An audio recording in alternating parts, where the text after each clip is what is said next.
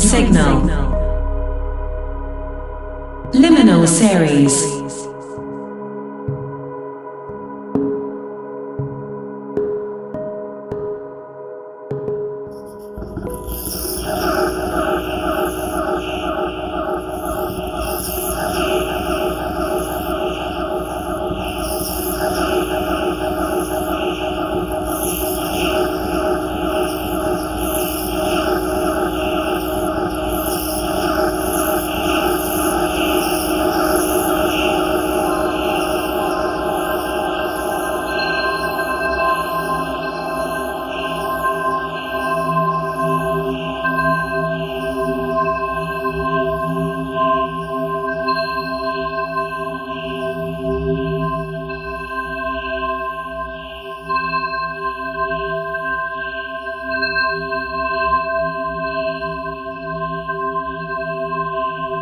I'd leave the fear out.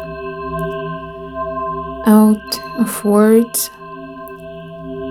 out of the tangible.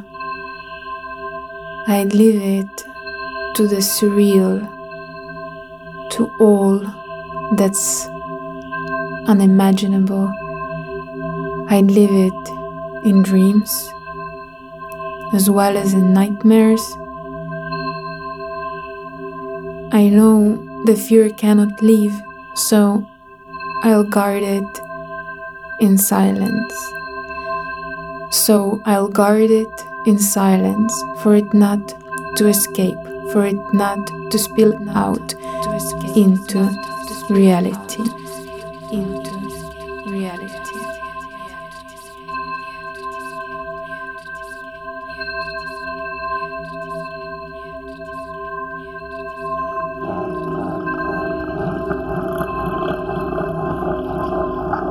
And I do the same thing with hope, for it's just as real as the fear. I'd invite them for dinner and suggest they are each other's meal.